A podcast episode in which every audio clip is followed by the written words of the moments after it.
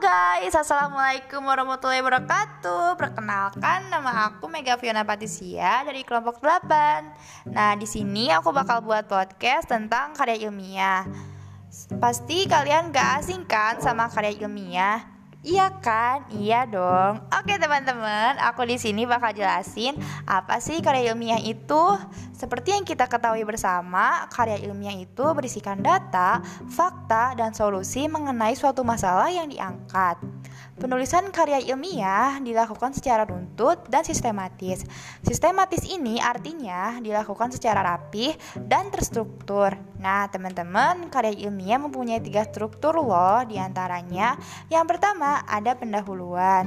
Pendahuluan artinya berisikan dasar-dasar penelitian ilmiah yang dilakukan, masalah yang diangkat, dan mekanisme penyelesaian masalah itu. Yang kedua, ada isi dan pembahasan. Bagian isi dan pembahasan ini bisa terdiri dari satu atau lebih bab. Jumlah bab pada bagian ini bergantung seberapa pelik pembahasan dan pemendahan dari bahasa penelitian. Ketiga, kesimpulan. Bagian kesimpulan berisikan dari hasil analisis pada bagian isi dan pembahasan kesimpulan yang disampaikan pada bagian ini berupa penjelasan singkat padat mengenai hasil analisis. Nah, teman-teman, setelah tiga struktur tersebut, sekarang kita bakal ngebahas ciri-ciri karya tulis ilmiah. Apa aja sih? Yang pertama, ada reproduktif. Reproduktif artinya adalah karya ilmiah ditulis oleh peneliti atau penulis harus diterima dan dimaknai oleh pembacanya sesuai dengan makna yang ingin disampaikan. Pembaca harus bisa langsung memahami konten dari karya ilmiah. Yang kedua, tidak ambigu. Ciri ini ada kaitannya dengan reproduktif nih, teman teman-teman. Nah, jadi sebuah karya ilmiah harus memberikan pemahaman secara detail dan tidak dikemas dengan bahasa yang tidak membingungkan. Dengan begitu, maksud dari karya ilmiah itu bisa langsung diterima oleh pembacanya. Yang ketiga, tidak emotif, artinya karya ilmiah ditulis tidak melibatkan aspek perasaan dari penulis.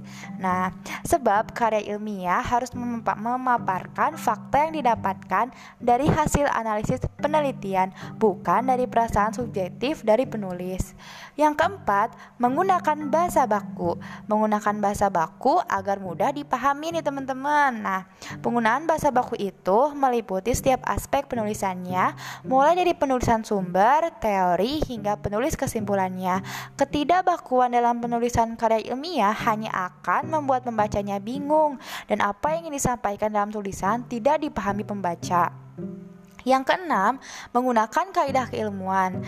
Penulisan karya ilmiah harus menggunakan kaidah kalimat atau istilah-istilah akademik dari bidang penelitian si penulis. Hal itu bertujuan untuk menunjukkan bahwa peneliti atau penulisnya memiliki kapabilitas pada bidang kajian yang dibahas dalam karya ilmiah itu juga menjadi takaran seberapa ahli sih peneliti pada bidang keilmuannya. Nah, yang ketujuh, bersikap dekoratif. Artinya, penulis karya ilmiah harus menggunakan istilah atau kata kata yang memiliki satu makna. Nah, rasional ini artinya penulis harus menonjolkan keruntutan pikiran yang logis dan kecermatan penelitian. Kedua hal itu penting karena karya ilmiah harus bisa menyampaikan maksud dari penelitian yang dilakukan oleh penulis tanpa membingungkan. Nah, yang kedelapan terdapat kohesi. Artinya, karya ilmiah harus memiliki kesinambungan antara bagian dan babnya bersifat straightforward forward. Nah, maksudnya apa sih? Nah, maksudnya tuh tidak bertele-tele atau tepat sasaran, teman-teman. Nah, jadi sebuah karya ilmu karya ilmu itu setiap bagian atau babnya harus memiliki alur logika yang saling bersambung. Selain itu, penyampaiannya harus tepat sasaran dengan apa yang ingin disampaikan. Nah, yang kesembilan, bersifat objektif. Karya ilmiah harus bersifat objektif. Hal ini sangat penting karena karya ilmiah tidak dibuat berdasarkan perasaan penulisnya. Nah, karya ilmiah ini harus menunjukkan fakta-fakta dan data-data dari hasil analisisnya. Jadi, tidak memiliki kecondongan subjektivitas. Nah, yang terakhir, menggunakan kalimat efektif. Menulis karya ilmiah harus menggunakan kalimat efektif. Ciri ini berkaitan dengan semua ciri sebelumnya nih teman-teman. Nah, tujuannya apa sih? Nah, tujuannya kalimat dalam karya ilmiah agar pembaca tidak dipusingkan dengan penggunaan kalimat yang berputar-putar. Penggunaan kalimat seperti itu hanya akan membuat pembaca menjadi bingung. Nah, Selain itu, aku mengebahas juga fungsi karya ilmiah itu apa aja sih. Nah, jadi fungsinya ada tiga sebagai sarana untuk mengembangkan ilmu pengetahuan, teknologi, dan seni. Yang pertama ada penjelasan atau disebut explanation. Yang kedua ramalan atau prediction. Yang ketiga kontrol atau control. Nah syaratnya apa aja sih teman-teman? Nah syarat, karya ilmiah itu ada empat. Yang pertama motivasi dan disiplin yang tinggi. Kedua kemampuan mengelola data.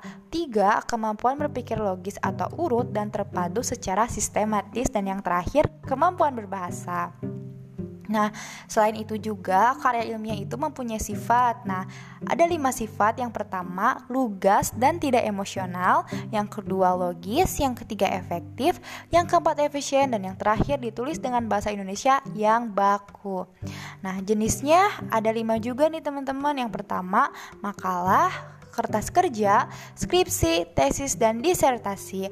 Oke teman-teman, segitu aja dari penjelasan karya ilmiah dari aku. Semoga dapat bermanfaat bagi teman-teman semua. Satu pesan dari aku, jaga kesehatan ya teman-teman. Stay safe semuanya. Wassalamualaikum warahmatullahi wabarakatuh.